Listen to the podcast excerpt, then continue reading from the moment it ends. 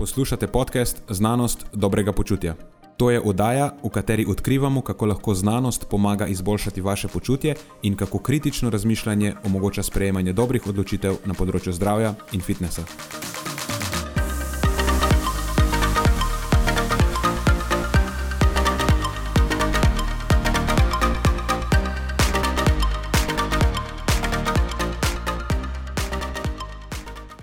Pozdravljeni, z vami smo Nenad in moj sovoditelj Matjaš.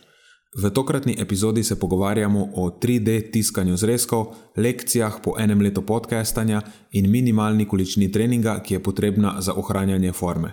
Na koncu pa razjasniva še nedavno zmešnjavo okoli cepiva AstraZeneca. Preden začnemo, pa se moram zahvaliti še našim sponzorjem.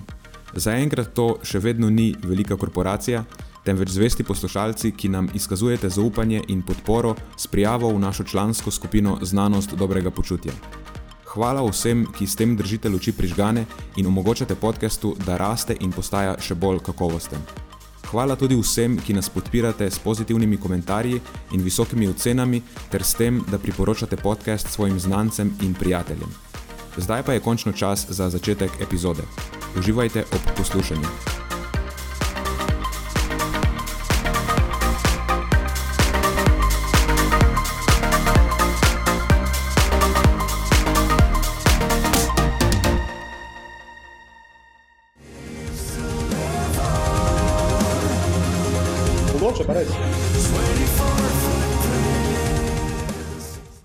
Praviš, da ti je bilo všeč od uh, klasičnih izborov? Pa kaj pa vem, ali, ali ne spada v klasični izbor? Meni se zdi, da je kaj podobno. Torej, povej zdaj, ali ti je bolj všeč kot ponavadi, ali ti je manj všeč kot ponavadi. Dobil sem zahtevo, da potestiram ta komat. Aha, uh, ne vem, ali ti povem po pravici, jaz, jaz ju ne, ne ločam toliko med seboj, teh komadov. Meni, meni bo to vse zelo podobno. Oziroma, dobil sem, dobil sem željo, da potestiram ta komat na tebi. Ni zahteva, ker na zahteve se zelo slabo odzivam. uh, uvrstil bi ga v, v zgornjo kvartilo komadov, ki mi jih ti ponovadi surfiraš. Boljših, ok, v redu. Tako. Okay. Super. Torej, kaj naj od danes vse čaka? Nimam nobenega članka pripravljenega. Ok, moja epizoda bo pa tako. Um, poskušala zaokrožiti eno leto podcastanja. A da, a da bo? Bomo videli, ne vem, mogoče iz nekega, iz nekega konca. Ok, super. Tudi moja bo nekako, mogoče bo naznanjala drugo sezono malo. Uh mhm. -huh. Zdaj imamo še eno epizodo, s katero bomo zaokrožili to leto podcastiranja. Uh, ja, ja, tako je. Tako je. Uh, ampak jaz sem se vse en dan slotil nekih takih tem, ki, ki vem, da se jih potem naslednjič ne bom mogel. Zato govorim, da zaokrožujem eno leto podcasta, čeprav dejansko ni še. Aha, tako na ta način. Uradno. Tako, tako. Ja, ja, ok, super. Uh, ja, marsikaj naj jo je naučilo to leto. Uh, in tudi včeraj sem se malo igral s statistiko, preveril sem, kere epizode so bolj zanimive bile ljudem, kere so manj zanimive. Kaj, um, tudi zbiral sem mnenja tekom celega leta, ki so prihajala v najne poštne predale, oziroma kako se temu reče, direct message. Uh mhm. -huh. Sem dobil občutek, kaj poslušalce zanima, malo bolj, kaj jih zanima, malo manj. E, razmišljam o tem, da bi naslednjo sezono vseeno neke stvari prestrukturirali, tako da bi bile mogoče malo bolj zanimive. V končni fazi ne samo nujno zanimive poslušalcem, ampak zadeva mora biti zanimiva tudi nama. da, Mislim, je poseb, potreb, to je posebna konsideracija tudi. Ja, definitivno. definitivno. Bi, bi se lagal, če ne bi rekel, da je to tudi eden izmed razlogov, zakaj smo sploh začeli to delati. Ja. Zelo pomembna stvar, ki jo nekako ugotavljam, je ta, da se to predstavljanje člankov je fajn, pa najbrž je nekemu deležu zanimivo. Sam vedno se potem vprašam, ali je to res najbolj uporabna stvar, ali je to res. Smo lahko res tako, samo s tem, izključno samo s tem, Sej ne govorim, da bo to izginilo iz repertoarja, niti slučajno. Samo sprašujem se, ali je eh, res to najbolj uporabna stvar, ki jo lahko ponudiva, če delava samo to. Mislim, vse nisva dejansko delala, vedno samo članko, bili so pogovori, bile so aktualne stvari in tako. E, razmišljam bolj o tem, da bi e, razširila, da bi dala več časa tudi tem drugim temam, pa mogoče malo manj se ukvarjala z nekimi tehničnimi stvarmi, e, vezanimi na pač same članke, ki so. Literatura sama po sebi ni zelo zanimiva, vedno. Uh, mislim, da se je to po nesreči začelo celo dogajati skozi celotno sezono. Mislim, da smo začeli z 95% raz, z razdeljevanjem člankov, zdaj smo pa pristali na koncu na 50-50, mogoče glih še ni, no, ampak je pa, je pa precej, precej večje razmerje v korist kakšnim drugim aktualnostim in pa uh, bolj mnenjskim zadevam in podobno. Ja, tako je.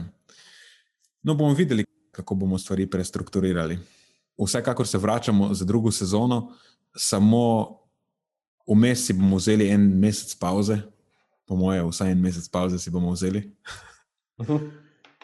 Ja, da malo razmislimo ja. uh, točno o vseh teh zadevah, ki si jih ravno omenil, uh, pa da vidimo, kam se stvar premakne dalje. Tako da, če bo slučajno več kot en mesec, potem bomo posnela kako čet epizodo, ki bo sproščene narave, samo toliko, da naj te platforme ne pozabijo da ne pozabite na naju in na naj uh, poseben smisel za humor in sarkazem. ne gre se bolj za to, da ne, jo, ne nehajo objavljati te Spotify, pa Apple, pa te zadeve.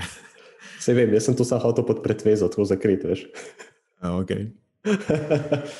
Drugač pa, ja, kar se tiče pa naših Patreonov, za vas bo pa poskrbljeno, brez skrbi. Tudi v tem off eh, času bi moglo biti še eno predavanje naloženo, pa še en priročnik, pa potem konec marca še eno predavanje. Da, to je pa mhm. Za Patreon bo poskrbljeno, vi se ne zakirajte. Ja, tako je. Dobro, sem pozabil kaj, nisem. E, po mojem, da ne, po mojem, da ne. Mislim, da lahko otvoriš svojih, um, svoje številne različne teme, ki si jih izbral. Samo dve imam na koncu, samo dve sem izbral, ker bi bilo drugače predolgo, po moje. Ena je okay. absolutno nujno jo je vključiti, ker je trenutno pač kontroverzna, je samo to je ta cela kolobocija s tem cepivom, mislim, posebna zgodba. Mislim, da si zasluži, da jo nekdo povzame. Ja, definitivno.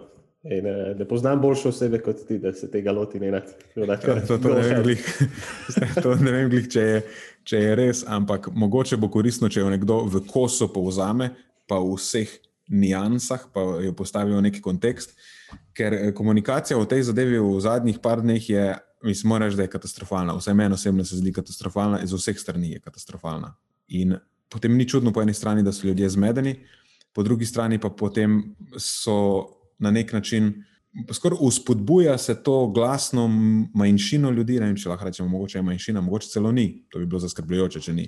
Pač tisto skupino ljudi, ki je zelo nenaklonjena, skoraj militantno nenaklonjena cepljenju, da spet razpihuje, podpihuje neke te teorije zarote v zvezi s tem. Dočim to, kar se trenutno dogaja s tem cepivom, ne more biti gorivo na ogen teorij zarote. Nima absolutno nobene vrednosti za njih v tem smislu. Ni znak, da je s cepivom karkoli narobe. V bistvu je glih obratno. To, kar se trenutno dogaja, je samo znak, kako super, super ziheraški probamo biti. Ampak dobro, o tem kasneje. V, v tej, recimo, da je to moja glavna tema za danes. Uh mhm. -huh. Imam pa prej še eno aktualnost, ki je pa tako samo fascinantna. In sem rekel, to pa moram povedati samo zato, ker je zanimivo. V bistvu se gre za eno podjetje, ki je, mislim, da predvčeraj, zdaj ko to snemamo, danes je torek, postalo publicly traded, to pomeni, da pač eh, lahko kupiš njihove delnice. Rečemo Meet Tech 3D. In to je podjetje, ki je naj bi bilo ne predstavljalo naj bi neko alternativo industrializiranemu kmetijstvu, za katerega vemo, da je pač reč, reč, okoljsko problematično, preveč vode se porabi. Ne? Zeleno-gredni izpusti, pretirana uporaba kmetijskih površin za predelavo, kar in tako naprej. Ne. Generalno lahko rečemo, da ta industrializirana živinoreja, ki se jo danes gremo, ni neka stvar, ki bi v, na tak način bilo fajn, da obstaja še dlje časa in gledamo, kako bomo razbremenili to. Eh, to ne pomeni, da ne smemo jesti mesa, ampak vsem moramo priznati, da trenutni sistem pač ni najbolj idealen, pa da je fajn naj, najti rešitve. Uh, tako da tukaj zdaj govorimo o enem podjetju, ki se ukvarja z 3D tiskanjem mesa. Oziroma, pazi, ni, ni samo meso, ampak hočejo natisniti 3D zrezek, oziroma 3D hočejo natisniti zrezek, ta pravi zrezek. In zadeva gre tako, da imaš proces. Je. Ko se skoti krava, ji odvzamejo matične celice iz te popkovnice, in potem dajo to stvar, eh, pač sledi nek proces kultivacije teh celic, tam se potem te celice diferencirajo, pa se množijo, in potem iz tega naredijo eh, taka črnila, na osnovi celic, na ink je. Ne vem, če je črnilo prava beseda, pač po angliško je ink, to je kot tiskarsko črnilo neke vrste. In dobijo, temu rečejo uh, bioink, torej neka biočrnila dobijo. Ne pač predstavljaj si, kot da daš v printer neko kartušo z različnimi vrstami celic. Niso barve, ampak so celice. In potem ta poseben bio 3D printer natisne to bio barvilo v tako 3D strukturo zrezka. Neko tako skoraj dobiš začetno matriko za zrezek. Zgleda, da je ena tako zelo tanka, um, kako bi rekel temu, neka tako tanka plast, ki bi jo lahko odložil na mizo. Ne zgleda nič kot zrezek, samo dobijo neko, ta, to je začetna matrika zrezka. In potem to stvar dajo spet v nadaljno inkubacijo, in tam zrezek dokončno raste. Lahko rečemo, da se postara, v narekovajih na nek način. Te celice potem rastejo in se množijo znotraj teh nekih 3D okvirjev, ki jih je natisnil printer, in nastane ta pravi zrezek, kako kos mesa nastane. To je ideja. In imaš na njihovi strani, če MeetTech 3D, če napišeš v Google, po mojem, najdeš, je cel postopek opisan, zgleda super fascinantno. Uh, in zdaj, zakaj je to zanimivo? Ker drugače obstaja že nekaj, mislim, da 30-40 podjetij, ki se trenutno ukvarjajo s tem, oziroma razvijajo to tehnologijo nekega tega, ne nujno 3D tiskanja mesa, ampak pač gojenja mesa ne z živalmi, ampak neke alternative. Samo kot že rečeno, ta stvar je precej bolj zanimiva, ker do zdaj je bilo govora samo o tem, kako natisniti hamburger. Ker sem to je pač kup kaomletega mesa. To je tako zelo, recimo, da je v primerjavi s tiskanjem dejanskega zrezka to izjemno primitivno. Vse, kar rabi, je ena gmota celic in to je to. Ne, tukaj pa zdaj govorimo o tem, da bodo natisnili pravi kos mesa.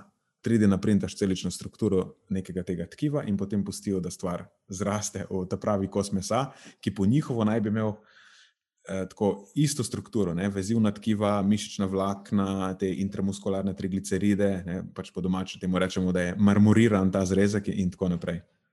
In sploh ni nadomestek mesa, ampak gre za pravo meso. Pa ne samo to. Gre za v bistvu meso, pri katerem je vsaka posamezna celica rasla v nadzorovanih pogojih. Ne, to pomeni, da v bistvu bi lahko nadzoroval za njihovo končno hranilno vrednost dosti bolj tesno, kot to lahko narediš pri govedu. Ker pač govedo daš nekaj za jesti. In krava je potem nek kompleksen sistem, in nikoli ne veš za res, kakšen bo končni rezultat. V smislu tega, kaj bo zdaj vse v mesu, kako kakovostno bo tako naprej. Vedno je neka variacija v tem, ne? neka negotovost. Ne, tukaj zdaj imaš pa dejansko enostaven sistem, v katerem vse nadzoruješ. Tako imaš recimo lušt, paradižnik, je neka podobna stvar, ker ta paradižnik res odrašča v super nadzorovanih pogojih in dobiš fulukusen paradižnik. Ne? Nekoč so rekli, da umetno gojeni paradižniki kao nimajo nobenega okusa. Ne? Ampak danes smo že često, danes ima ta najbolj umetno gojen paradižnik na svetu boljši okus kot babičin paradižnik. Nekako smo šli često. Ne? In zgodba je pri tem mesu bila, bila podobna. In eventualno lahko bi nadzoroval tudi okus, ker pač okus je v končni fazi posledica snovi, ki jih vsebujejo celice, ki sestavljajo to, kar uživaš. Meni se, men se to sliši noro, tako res futuristično, kot da poslušam nek eh, ZF film.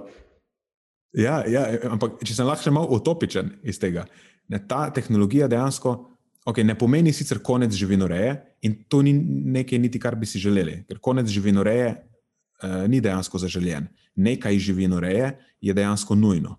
Lahko rečemo celo, da je nekaj živinoreje okoljsko koristno, ampak to je že neka druga zgodba za nek drug podcast. Um, kar je pri tej MeetTech 3D zgodbi najlepše, je to, da bi lahko zadeva drastično spremenila uh, etičnost živinoreje. Ne? To je, recimo, problematična stvar. Vse tudi okoljski vplivi so trenutno problematična stvar v takšnem obsegu, kot to stvar izvajamo. Ampak v nekem minimalnem obsegu je pa lahko živinoreja koristna in tudi etična je lahko, ne? če ni pritiska, da čim več živali stlačimo na neko površino. In tukaj gre sta obe dve lahko popolnoma z roko v roki. Ne? Ker po eni strani zdaj lahko velik del mesa, ki ga potrebuješ, natisneš, s tem razbremeniš okolje, ne potrebuješ več toliko površin za govedo ali pa neke druge živali v končni fazi. Eh, plus, ne rabiš se več intenzivne živinoreje, kar pomeni, da lahko zdaj preostanek živine gojiš na bistveno bolj etičen in okolju prijazen način. Ne, po drugi strani pa seveda potrebuješ matične celice, ki jih povsem neproblematično lahko zdaj odzameš in brez nepotrebnega trpljenja jih lahko odzameš ob vsaki normalni kotitvi, ker pač ta popkovnica ni nekaj, kar bi kogarkoli preveč zanimalo. Je pa tako, da to podjetje je že zelo v povojih. Uh, jaz zaenkrat nisem že investiral, samo dodal sem jih na watchlistu kot zanimivost. Uh, ampak, kakorkoli v vsakem primeru, to bo zdaj najbrž prvo obvestilo takšne vrste. Mogoče je to nek nov menik za podcast, tudi po eni strani. E, to, kar ste slišali zdaj, ni investicijski nasvet. Ne? Tako da, preden investirate svoj denar, se posvetujte svojim finančnim svetovalcem, oziroma kaj pa je zdaj, kdorkoli je pač pooblaščen, da vam da to vrstne nasvete. Jaz sem samo čakal na to epizodo, Nenad, ker sem vedel, da slejko prej boš pač zavil stran od tega, da si nutricionist in boš pač se vrgel v finančne vode. da, mogoče bo tudi investicijsko uh, neko rubriko, da bi bil ta podcast. Veš, kaj sem glih včeraj razmišljal, ko se pogovarjamo o teh uh, sladilih, pa vseh teh stvarih. A bi človek eh, mogel razkriti, če je recimo hipotetično investiran v Coca-Cola, McDonald's in te stvari, a moram to, oziroma govorimo hipotetično, a bi moral to človek uh, razkriti, da je potem to nek konflikt interesov? A veš, da sploh nisem pomislil prej na to. Ampak, um, ja, glej, glede na to, da je eden, eden izmed naših ključnih meril tudi integriteta, jaz ne vidim, zakaj ne bi tega potem tudi disklozala. Okay. Bom, bom potem eh, pazljiv pri nadaljnih temah, ki se jih dotikava, če slučajno pride do kakega konflikta interesa, bom predhodno opozoril. Tako, jaz bom tudi jaz pazljiv dodatno na to. Da, povejte mi, mene samo nekaj zanima, a, a to meso, ne? Ja. A bo imel tudi vse tiste različne komponente glikogena? To je nekaj, kar me zdaj zanima. Hmm. Hey, hey, to je, to ja, je šala vem, vezana na pretekle epizode. vem, da je. Ja. Čekaj, kdo mi je to na zadnje rekel? Da... Uh, mislim, da mi je Marijo povedal, Kao, da jaz tebe nekaj za hec vprašam, ti pa meni čisto resno nazaj odgovoriš. ja, ja, slišal sem to že enkrat v eni interakciji med vami. Tako da jaz sem razumel, da je to hec, ampak sem ti vseeno nameraval resno odgovoriti. ok, ja, zanimivo, zanimivo. Uh, všeč mi je, da boš uh, sproti updateal, uh, ko pride kaj novega ven na tem naslovu. Ja, ja, itak. Cool. Um, hm. Kako sem pa jaz nameraval začeti tale, to epizodo? Uh, hotel sem za hec enkrat dejansko vrniti eno izmed najnih neštetih rubrik, ki jih ponovadi samo enkrat omeniva, pa potem se nikoli več ne vrnemo nazaj na njih. Hotel sem vrniti malo za šalo, malo za res segment. Aha, okay. uh, zato, ker pred začetkom današnjega snemanja sem šel malo na hitro skozi vse te vsebine, ki so jih izdala do te točke, pa razmislil, kaj jaz danes delam drugače v svoji prehrani, pri treningu ali pa življenjskem slogu na splošno, eh, po, eh, po delanju, po poslušanju vseh teh podkastov, tudi za nazaj, da vidim, če je bil kakšen napredek. Eh, pa to, to vajco sem naredil iz dveh razlogov. Prvi je ta, da se mi zdi, da ljudje pogosto zanemarjamo tako male zmage, podnarekovaj, ali pa manjše napredke, da je tako reči, pa se vedno osredotočamo na nek končni cilj, končni produkt. Vse veš, najbrž ne na to, če jim govorim. Pri delu s strankami se mi zdi, da posamezniki zelo, eh, zelo hitro izgubijo recimo, motivacijo za nadaljno delo, ker niso izgubili, recimo, vem, karikiram, XY števila kilogramov, ampak obenem pa zanemarjajo, da so v vsem tem času vseeno a, izgubili znaten delež maščobe, so popolnoma spremenili svoje okolje in pa svoj pristop k prehranjevanju, a, recimo niso več tako pedantični nad prehranjevanjem, kot so bili prej, ne dojemajo več živil kot dobrih ali slabih, prehrana ni več tako stresna za njih in tako dalje.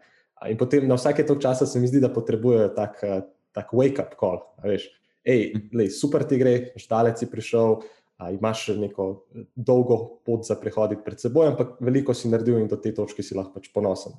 Ne, ima ti to opaziš. Ja, ja, absolutno. Uh, nisem hotel s tem preveč časa na začetku zapraviti, ampak dejansko je. Razmišljanje o teh stvarih se mi zdi, da je zelo pomembno. Bi rad, rad bi, da postane ta mindset, pa psihologija eh, doseganja ciljev, pa ne nujno samo na, na področju prehrane in vadbe. Itak je to ena izmed pomembnejših stvari za najo, ker se s tem iz dneva v dan uh, ukvarjava. Ampak nasplošno se mi zdi, če imamo v mislih neke cilje, je zelo pomembno se doskrat vmes vprašati, ali res razmišljamo na pravilen način, na tak način, ki nam omogoča ali pa vsaj olajša doseganje teh ciljev, ali pa se vmes zapletemo v neke pristranskosti, pa neke te miselne distorzije, ki nas v bistvu uvirajo pri tem. Ker ne morem, koliko krat smo že s strankami ugotovili, da sploh ni stvar, sploh s temi, ki, jim, ki z njimi delamo dlje časa, ki ni samo, da gremo te osnove coachinga skozi, ampak to z ljudmi, ki jih podpiramo, recimo, uh, par mesecev. Še potem, z njimi pa se ne pogovarjamo več o beljakovinah, pa o ugljikovih hidratih, ampak tako o zelo eh, specifičnih zadevah v njihovih življenjih. In zanimivo je, da zdaj bom sicer malo zavil, pa me boš pol vrnil nazaj. Mhm. Zanimivo je, da doskrat Veš, po tem enem pa pol mesecu, ja, prvi mesec pa pol sem jaz tisti, ki večinoma razlaga, ker pač podajam teorijo. Ampak kasneje pa imam občutek, da samo dobivam vlogo enega, ki postavlja vprašanje. Sploh ni česar, jaz ni česar ne ugotovim več novega. Samo v kontekst jim postavim stvari in si ljudje sami od sebe odgovorijo na vsa ta vprašanja. In posodko, zelo zanimivo je, ker so tako. Um, ki vidiš, ki se jim uči za svetijo, veš, a ja, ki si mu ja, samo ja, dobro vprašanje ja. zastavil. In tako sam sebi začne odgovarjati na vprašanja. Ugotovil, kako se samo sabotirajo, kako se zapletajo v neke miselne procese, ki so zelo destruktivni, pa uh, ki so v bistvu samo destruktivni, ki, ki sami sebe v bistvu streljajo v koleno s to vrstnim razmišljanjem. Zmenimo se, kaj bomo delali ta teden. Preprost cilj je, um, poskrbimo za to, da ni visok cilj, že so si demonstrirali večkrat, da to lahko naredijo. In potem se že v začetku tedna nekako prepričajo, da zdaj bo pa hud teden, pa ne bo šlo, pa uno, pa tretje, kaj pa če ne bo šlo, ah, pa pol pa ne bi najboljše, da nečne. In potem skozi to, ki jih tako opomniš, pa ki se ok, v redu. Iz tedna v teden potem na tem gradimo in razvijajo veščine, kako dejansko handlati ne? na nekem psihološkem nivoju, je pol to uh, razvita veščina. In se mi zdi, da to je tisto, kar je bolj pomembno za dolgoročen uspeh, ne to, da znaš ti, koliko beljakovin moraš. Mislim, to se hitro naučiš, koliko je enot oglikovih hidratov, kako odmeriš maščobe, da je za te primerno. To se vsi zelo hitro naučijo. Potem pa se gre za to, da demonstrirajo sami sebi, da to lahko, pa da začnejo verjeti sami vase, da se dejansko, da jih upolnomočimo, da se upolnomočijo v končni fazi sami sebe. Um, Tako da ja, ne vem, odkje sem sploh zašel, ne boš zdaj vrnil. mm, ne, definitivno se strinjam uh, s tabo. Ne, vse to, kar si povedal, je, je odlično. In, uh, in prav tako lušno je spremljati, kako se te dileme, ta vprašanja, se mi zdi, da se potem vedno redkeje pojavljajo, tako na, na daljših nekih časovnih intervalih. Uh, mm. Vidiš, kako posameznik napreduje, pa si samo od sebe odgovarja na svoje vprašanja. to sem hotel samo še prej povedati. Ampak za, da prideš do tega, da, da, da lahko narediš take zaključke, da si dejansko odgovoriš na neka vprašanja na način, ki je koristen eh, za to, da ti bo pomagal do svojih ciljev. Ne moreš razmišljati, ne vem, to se bo zdaj slišalo, ne bo jih se slišalo dobro. Ne moreš neracionalno razmišljati, ker ljudje pač ne smo podvrženi tem pristrankostim in distorzijam. Moš poskrbeti, da je tvoj miselni proces nekako vsaj približno racionalen, pa da je objektiven, ne, da ni vplivan čustveno. Je, Tako da to se mi zdi ena zelo, zelo pomembna stvar, ko razmišljamo o vseh stvarih na splošno, da se probamo znebiti teh pristranskosti in uh, distorzij, ne, da se naučimo razmišljati. Se mi zdi, da to je ena stvar, za katero bi rad, da se v naslednji sezoni več pogovarjamo o njej. Ne. To je tudi ena stvar, zadnjič, ki sem govoril o, o tisti rubriki na pravi strani variance, ne, ki je ključna za to, da se ob. Vseh na ključih, ki se ti v življenju dogajajo, potem vse znajdeš na pravi strani sreče. Ne? Da se lahko v določenih situacijah pravilno odzoveš, pač moraš racionalno razmišljati o teh situacijah, ne moreš se čustveno odzivati. Ker če potegnemo črto, vsi ti vzorci samo sabotaže, pa razmišljanja, ki pol na koncu vodi v stran od ciljev, ima eno skupno stvar. Da gre za čustveno razmišljanje. Nič od tega ni dobro razmišljanje, objektivno, racionalno razmišljanje, ampak vedno gre uh, za neko čustveno vplivano stvar. Uh mhm. -huh. Strinjam. Amen. nimam nič da pripomniti na tej točki. Mm, okay.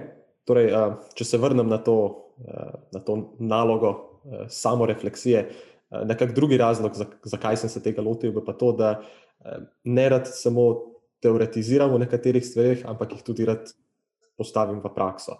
Uh, mislim, da pogosto rečemo, kako je filgut neke vrste most med, med znanostjo in prakso, in mislim, da je edino prav, da tudi mi držimo visok standard na tem naslovu. Tako da čistko, zelo na hitro, neke te glavne spremembe, ki so mi padle sprva na pamet, ko sem na hitro preletel te najne pretekle epizode. Pa mimo grede, po nobenem nekem posebnem vrstnem redu jih nisem razvrstil, samo napisal sem prvo stvar, ki mi je padla tam na pamet pri, pri nekem naslovu. Opazil sem, da sem bistveno bolj odprt do tega, da se motim.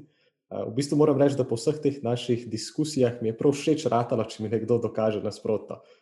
Včasih sem bil bistveno bolj odklonilen do tega, ampak poskušam delati na tem naslovu, priznavanja napak. A tebe tudi razveseli, ne, ko gotoviš, da, da si se v bistvu tako, da si se neki motil, ampak ti nekdo to dokaže in to na, na tak zelo kulturen način. Pa ni zdaj že na tej točki jasno, da jaz živim praktično od tega. Si mi je zdaj, ja, zato za debat vključno noter. Uh, ja, ja, ja, definitivno. Mm, potem druga stvar bi bila mogoče, da, sem, da poskušam biti bolj pazljiv pri komunikaciji nekaterih stvari, oziroma se mi zdi, da sem postal boljši v tem. Uh, predvsem pri nekaterih takih temah, ki jih v, ne vem, dajmo reči, da jih v znanstvenem svetu že zelo dobro vemo, da, so, da so brez veze, jih zavračamo. Ampak, če nismo pozorni, pa znamo biti zelo odklonilni, pa izpademo tako zelo oš, ošabno na nek način, ko komuniciramo te stvari na zven. In mislim, da je to nekaj, kar se me, pri meni ni dogajalo, vsaj ne pri podkastanju. Uh, tam sem načeloma bolj pazljiv, ampak bolj pri komunikaciji o prehrani v, v živo s svojimi prijatelji in znanci. Uh, veš, včasih sem rekel, ne, to je pa totalno brez veze in se je debata na tisti točki končala, zdaj pa probujem iti nekako malo okrog tega, pa predstaviti stvari na bolj, da ima reči temu, um, človeški način. Zakaj nekaj ne drži, pa to, se bolj postaviti v vlogo tistega, ki me posluša. Upam, da je bilo to jasno. Hotel sem to približati, da poskušaš biti bolj kulturen pri nestrinjanju na nek način. -hmm. Um, ok, potem so take malo bolj smešne, uh, recimo, da na redni bazi vključujem kreatin, po vsem tem, kar so povedala o ugodnostih le tega. Uh, veš, kako je bilo včasih? Uh, včasih sem ga imel, pa, pa spet pozabiš, tako bolj periodično je vse skupaj. Tako da poskušam biti bolj dosleden na tej točki. Opazil sem tudi, da na redni bazi zdaj vključujem večji delež jagodičja in pa kakava, po vseh teh nenadovih flavonoidih, tega pa enostavno ne moreš zapustiti ven.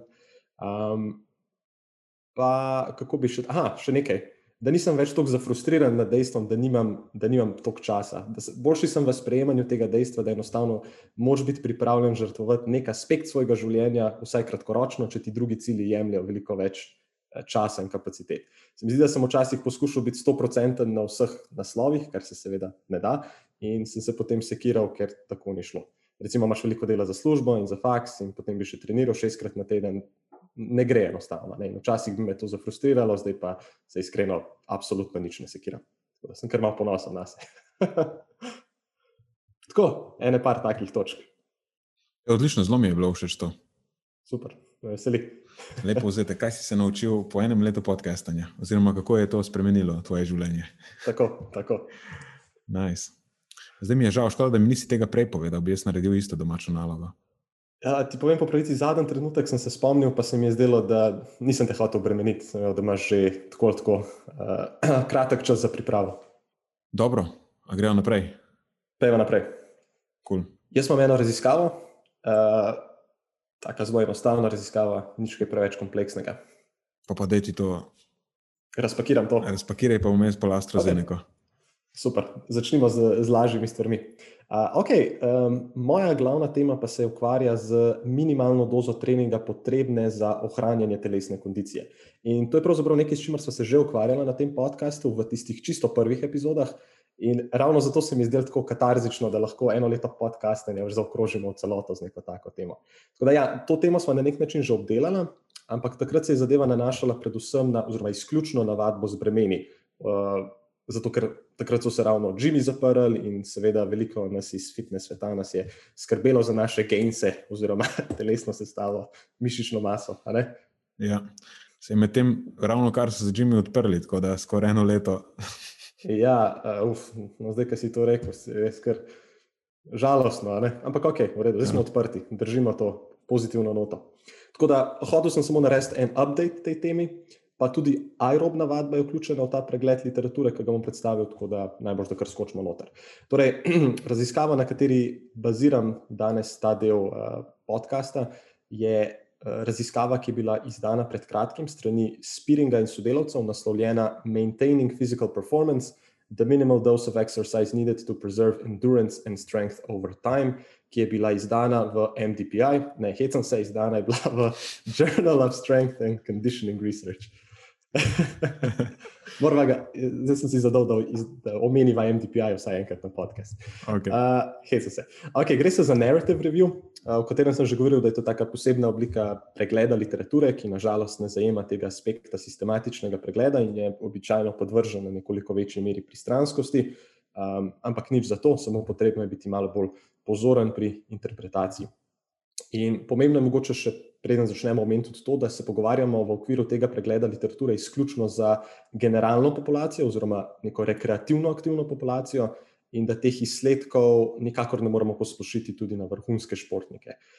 Kaj ti najbrž za njih, glede na to, na kako visokem nivoju tekmujejo oziroma kakšen, kako visokega volumna in pa intenzitete vadbe so vajeni, po vsej vrednosti potrebujejo nekoliko večji input tudi zgolj za ohranjanje te njihove stopnje fizične pripravljenosti napram neki manj trenirani populaciji oziroma navadnim smrtnikom, če se lahko izrazim. Mogoče še preden čisto zaštartam s to temo, bi, bi omenil še dva razloga, zakaj sem se pravzaprav sploh odločil za to. Ne sem zato, ker smo že omenjali to nekje v tistih prvih epizodah. Um, eno dejstvo je to, da ne da želim s tem segmentom podpirati le novo, ampak mislim, da je realno dejstvo to, da po eni strani se bomo bolj kot ne vsi srečali z nekim obdobjem našega življenja, ker bomo bolj na knap s časom. A ne, Nenad? Ne, ne govori sploh. Pač bodi si zaradi službe, obveznosti na faksu, družinske zadeve in tako dalje. Ali pa vsega skupaj. Ali pa vsega skupaj, tako. In zdaj po drugi strani nalimo si kozarec čistega vina, kot delavci v fitness industriji imamo realno v največji meri upravek točno s tako populacijo ljudi, ki po eni strani so izjemno so zaposleni in zelo pogosto nimajo, nimajo ravno zdravja najviše na prioritetni lestvici, ampak mogoče prej službo, pa družino in tako dalje. Tako da, mislim, da je zelo dobro, da smo opremljeni s takimi informacijami, kaj storiti v takih situacijah, če se to že pojavi neka taka časovna stiska ali pa ko, ko delamo s tako populacijo. Druga stvar, mogoče bolj pomembna lekcija, ki jo lahko vzamemo iz vsega skupaj, pa je po mojem mnenju, kako, kako nekoristna je ta miselnost, s katero se zelo pogosto srečujemo v praksi, torej ta uh, vse ali nič pristop. Ne, ko so razmere idealne, potem bom treniral petkrat na teden, pravilno bom jedel, spal bom osem ali več ur na dan, in takoj, ko nekaj pade vmes, pa celotna zgodba pade v vodo. Tako kot bi uh, Nenad dal to prispodobo, ki mi je zelo pri srcu, da se nam da, da se peljemo po avtocesti, pa se nam predre ena guma, in potem na mesto, da zaflikamo in nadaljujemo pot, raje spustimo še preostale tri gume in se popolnoma ustavimo. Imam Tako še da, eno drugo, ki je uporabljeno. Še boljše. Ja, Ko ti pade telefon po tleh, kaj narediš? Brcaš ga naprej, ne?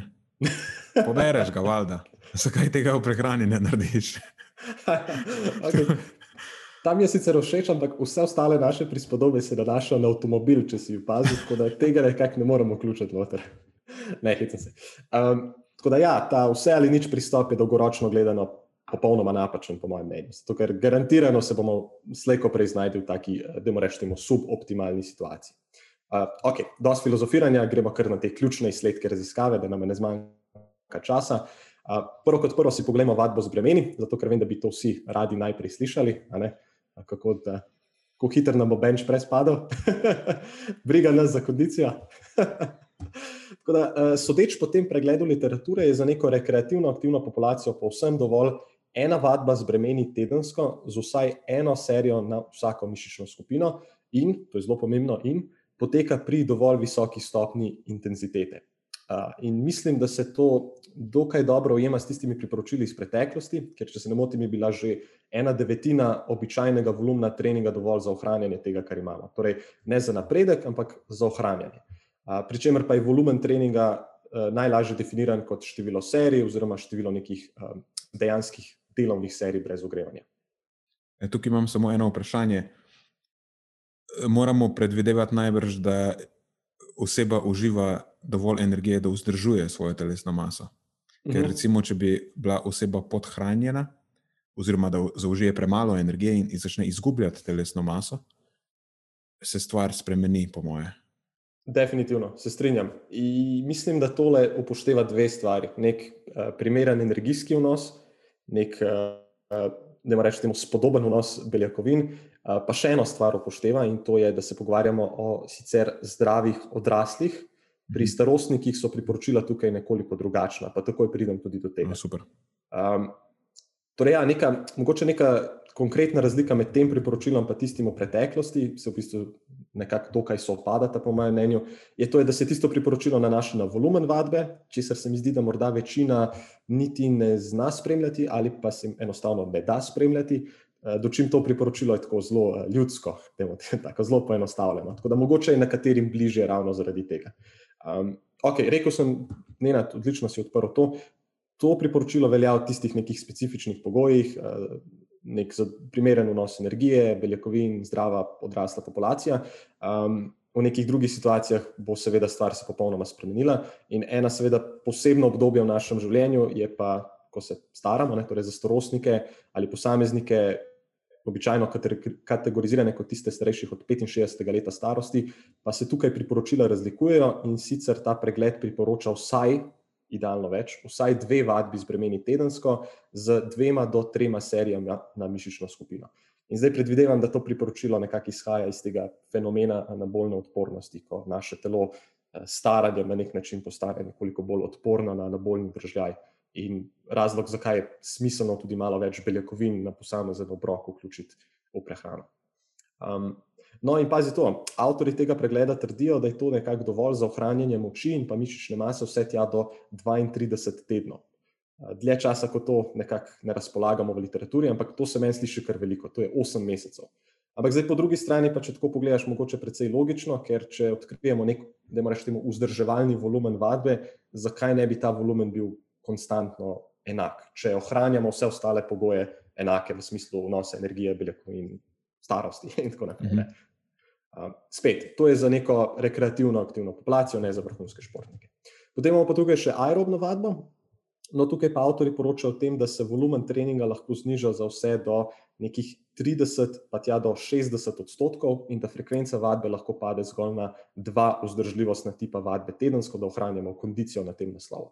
V praksi bi to pomenilo, da načeloma lahko vadba pade za večino tam nekje v časovni razpon 15 do slabih 30 minut vzdržljivostne vadbe na teden, pod pogojem ponovno, da ta zadeva poteka pod visoko stopnjo intenzivnosti. Torej, intenzivnost je očitno tukaj nek tak eh, skupni imenovalec tega procesa vzdrževanja. Eh, pa moram reči, da mi je to na nek način kar všeč, zato ker pogosto spregledamo ta aspekt intenzivnosti, ko govorimo eh, o vadbi. Vsaj za vadbo za moč, mislim, da se skoraj vedno poudarja, predvsem volumen, kot nek tak kralj vadbe, vsaj za neko hipertrofijo. Ne. Tako da, ja, ne, na jaz si na nek način želim, da se vrnemo mi nazaj v 70-ih z Arthur Johnsonom in njegovimi spektakularnimi Nautilus napravami, ali pa vsaj do enega izmed njegovih učencev, veš, ali Mike Mencer, ali pa šestkratni Mr. Olympia Dorian Yates, pa vrnemo ta high intensity trening nazaj v igro. To je šala, da ne bo pomote. ne vem, če je sploh kdo vedel tretjino teh imen, ki si jih naštel. To so same legende iz industrije. Ej, to je bom enkrat, veš kaj, eno epizodo bom namenil malo tako zgodovini fitnesa, ker mislim, da bi bilo zabavno. Uh, tako da, ja. Okay. uh, to, je pa, to je pa pravzaprav to, kar se tiče teh nekih osnovnih priporočil. No? Super. Ja, res mi je zelo pomembno izpostaviti, ker doskrat se zgodi, da ljudje nehajo trenirati in potem si mislijo, da zdaj ne rabim jesti več, ne? bom malo zmanjšal energijski vnos, mogoče izgubil kakšen kilogramček v tej fazi ali pa celo začnejo uh, undereatati, kako je slovenska beseda. Premalo beljakovin uživati, eh, hoče se reči undereatati beljakovine. Uh mhm. -huh. Vse to potem bistveno spremeni zadevo. Yep, tako je. Tako je. Sploh pa, če si tam enkrat nad 60, recimo, eh, niti ne nujno, da si star v smislu, da imaš 80-90 let, ampak um, ko si v drugi polovici življenja, že tako z eno in pol nogo, potem moraš biti še bolj pozoren. Uh mhm. -huh. Točno to, točno to. Pa se stvari malo spremenijo. Ok. Super, zdaj pa kar. AstraZeneca. A imaš občutek, da je bilo to cepivo že od začetka malo bolj kontroverzno od uh, Pfizerjevega, pa BioNTechovega, pa od moderne? Mm, morda pa res, ja. Čeprav težko kaj komentiram, glede na to, da je bilo vse tako predstavljeno ljudje... v neki kontroverzni luči. Ja, kako smo ljudje čudni, jaz pa ne morem verjeti. Ker to AstraZeneca cepivo je najbolj podobno konvencionalnim cepivom. veš, cepivamo, za katere imamo res en kup dokazov, da so varna. Dočim uno je nova tehnologija. Sej nekako nočem reči, da tista druga niso varna, ker so po moje še bolj varna zaradi nove tehnologije. Samo tako razmišljam, da nekako tista smo zdaj sprejeli kot bolj varna, kljub temu, da imamo manj dokazov, ja, čeprav so neke ne, indikacije na podlagi nekih. Eh, rečemo tega nekega mehanističnega sklepanja, da bi lahko bile bolj varne, ampak za to drugo imamo pa dokaz, da je varno, ampak zdaj smo nekako prišli, da pa vse nam ni tako všeč, pa mislim, ni konsistenten ta način razmišljanja, to hočem reči. Uh, v glavnem, kakorkoli, v čem je fora zdaj z, z tem cepivom od AstraZeneca, sprožil se je nek preplah, ker je par ljudi, ki so se cepili s tem cepivom, boj, da imelo neke zaplete s trombozo, torej pač s trevanjem krvi. Se je nekaj zgodilo, imeli so krvne strtke. Mislim, da je nekaj ljudi potem tudi umrlo. Ampak to še zdaleč ne pomeni, da je eh, to neka potrjena povezava, da je za to bilo odgovorno uh, cepivo. In meni se zdi res katastrofalno način, na katerega je bilo to skomunicirano, kdo je kriv za to, niti ne, ne nameravam razglabljati o tem. Mediji po eni strani, itak s svojimi senzacionalističnimi naslovi, pa uh, načinom poročanja so pogrnili na celi črti, kar se mene tiče. Uradni kanali so bili tudi nezadovoljivi, po moje. In potem še dodatna katastrofa je bila, pa, kaj se je zgodilo potem, ko so se odločili za prekinitev cepljenja. Tisto je bilo pa res. Nekdo bi lahko priti in razložiti, kako je, zakaj smo prekinili, kaj to pomeni v kontekstu, in, in tako naprej. Ne, ker zdaj pač, kot je že rečeno, imaš spet tisto skupino ljudi, eh, ki je naredila absolutno napačne zaključke, eh, ki so pač realno povsem nasprotni od tega, kaj pa je dejansko na stvari, kaj se je dejansko zgodilo in kaj nas ta izkušnja lahko nauči. In upam, da nam bo nekako uspelo to, z, eh, če dava to zgodbo vse skupaj, pa postaviva stvari v kontekst, da bo marsikaj malo bolj jasno, pa da bodo ljudje malo bolj pomirjeni. Okay. Prva stvar, ki jo moramo vedeti, da cepivo te ne naredi nesmrtnega. Če si cepljen, lahko še vedno doživiš infarkt, lahko še vedno doživiš možgansko kap, eh, ne vem, lahko razviješ Alzheimerjevo bolezen in tako naprej. In ja, lahko se pojavi tudi tromboza. Ne, cepivo pred temi stvarmi ne ščiti. Eh, to so stvari, ki obstajajo v splošni populaciji, je neka prevalenca tega, in zdaj, če si cepljen, še ne pomeni, da boš nesmrten.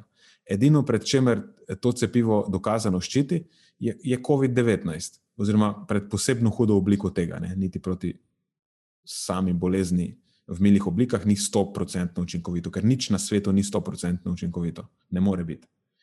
Nobeno cepivo na svetu ni 100% učinkovito.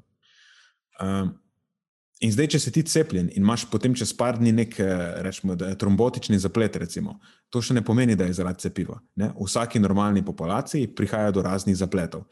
To praktično po naključju.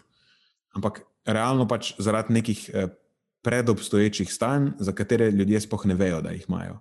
In imaš tudi v populaciji kao zdravih ljudi, se ves čas pojavlja tromboza in pojavljajo se drugi srčno-žilni zapleti. Tako da pomembno vprašanje je, ali je v populaciji cepljenih tveganje za trombozo večje kot v populaciji necepljenih. In odgovor je, kot kaže, zaenkrat ne. Eh, cepljenje ni povezano s povišanjem tveganjem za trombozo. Tako kaže zaenkrat.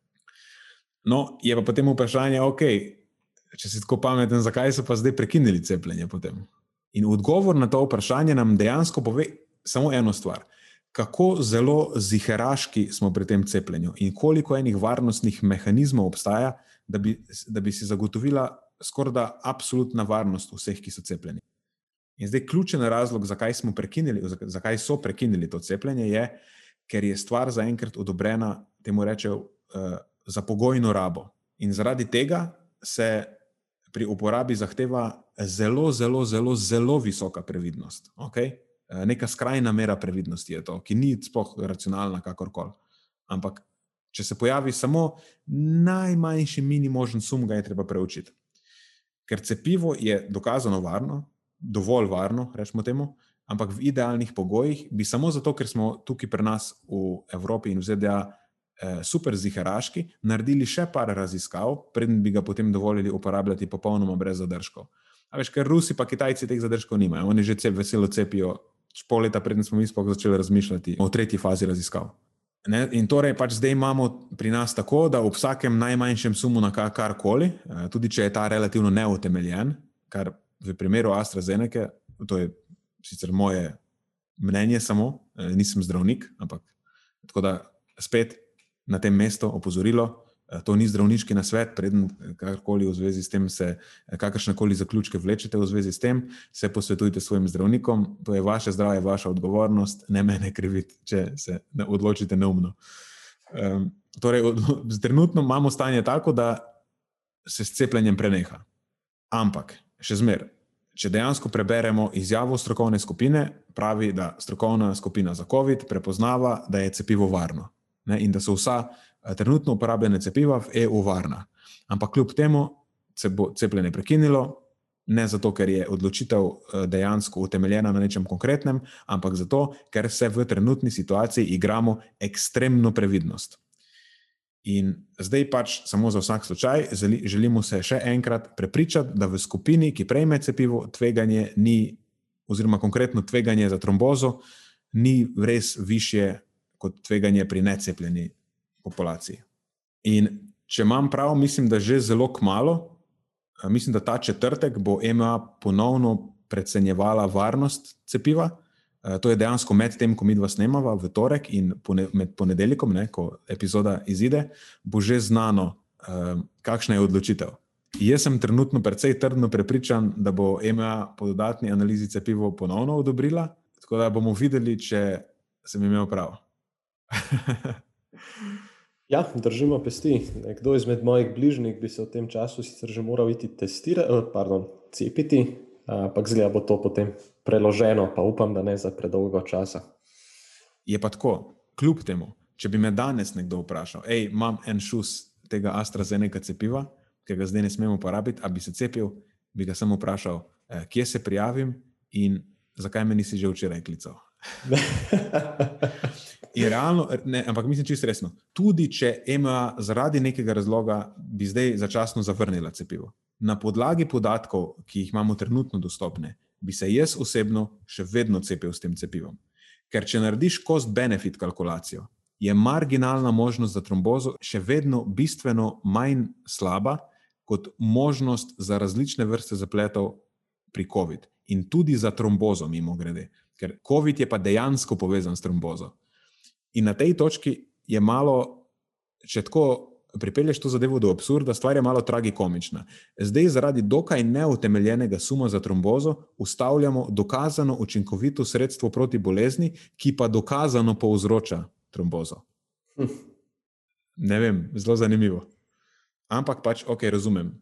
Odobrili smo stvar za neko zasilno uporabo, zdaj smo ekstra previdni. Tako da ta izkušnja nas nauči samo to, da je za našo varnost res dobro uh, poskrbljeno. Ampak v vsakem, tudi še ena stvar, v vsakem primeru, tudi če AstraZeneca res povzroča trombozo, je tveganje za trombozo pri cepljenju še, po moje, vsem eh, bistveno nižje, kot je tveganje za trombozo, ko imaš COVID. Mm. Tako, v vsakem primeru se izide ta kalkulacija tako, da bi bilo cepivo smiselno še naprej uporabljati. Nobena stvar ni popolnoma varna. In to je, ena, to je še nekaj, kar definitivno ne smemo pozabiti. In to obljubim, da je zadnja stvar.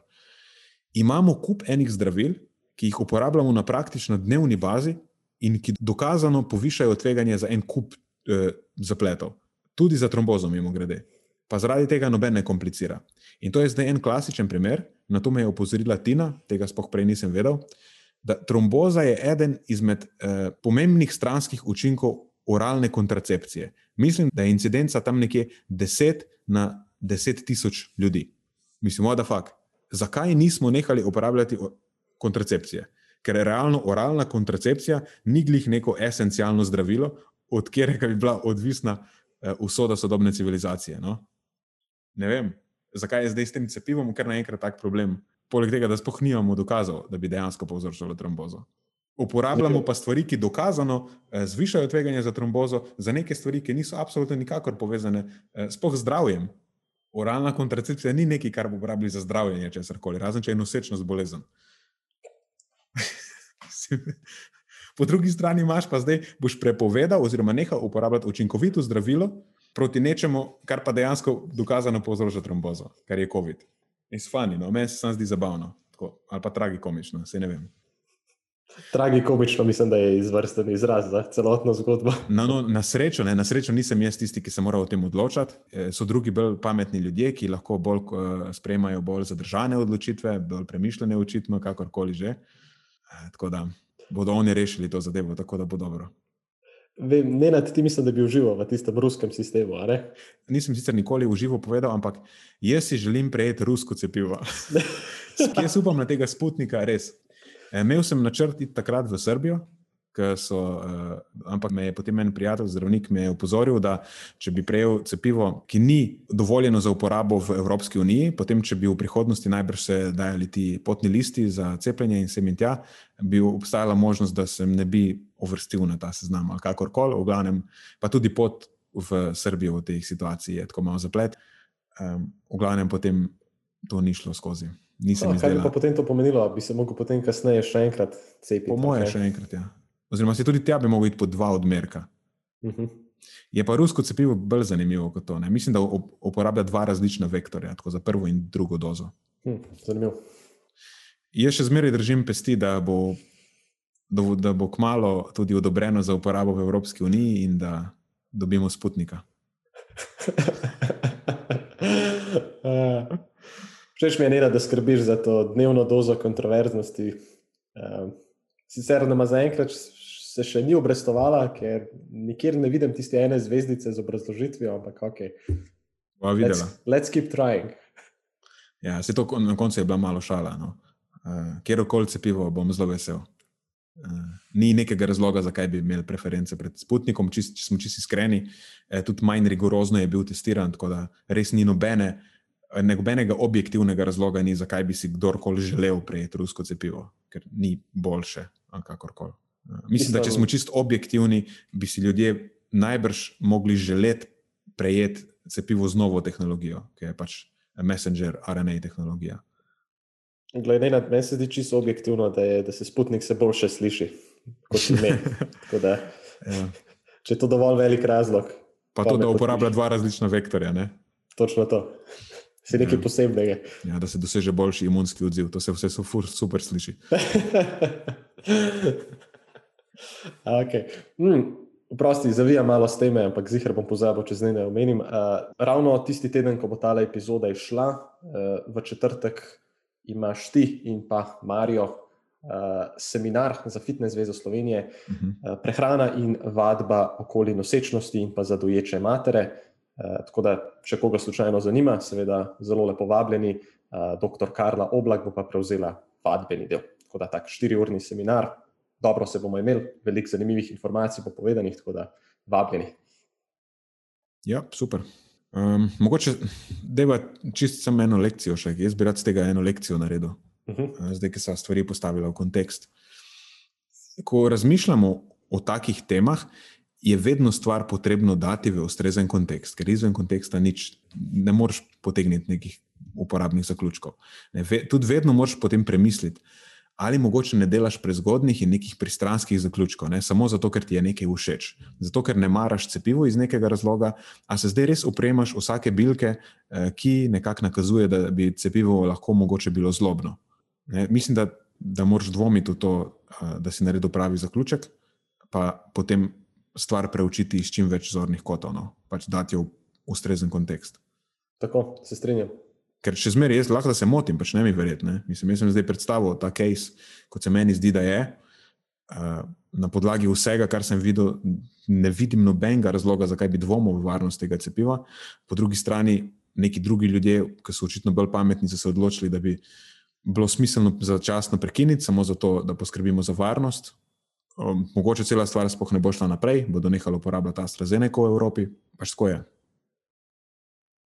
Ja, sej, mislim, da si dobro povzel. Vse tako naj bi znanost tudi delovala, vsaj dobra znanost. Ja.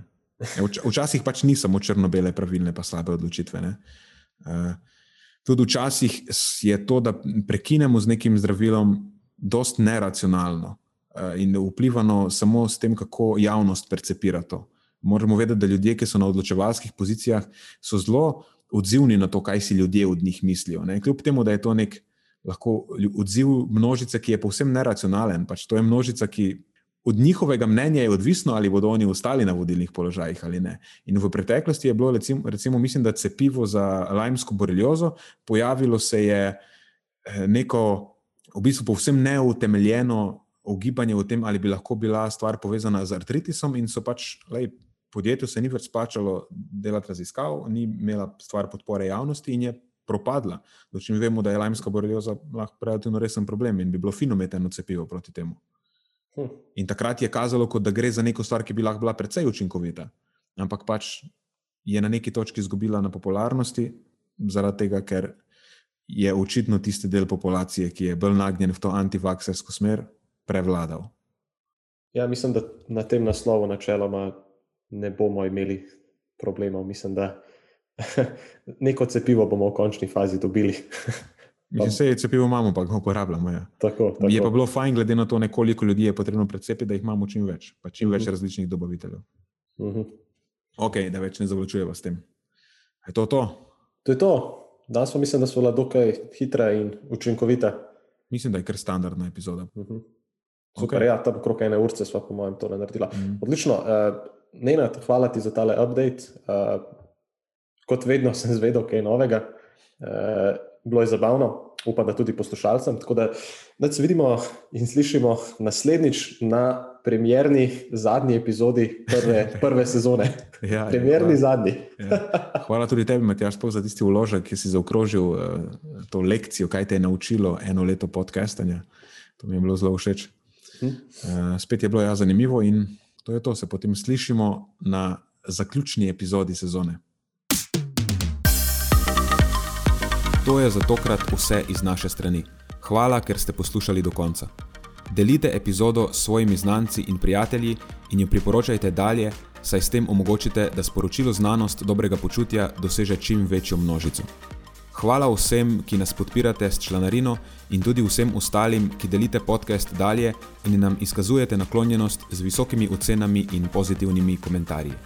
Se slišimo prihodnjič, do takrat pa ostanite premišljeni.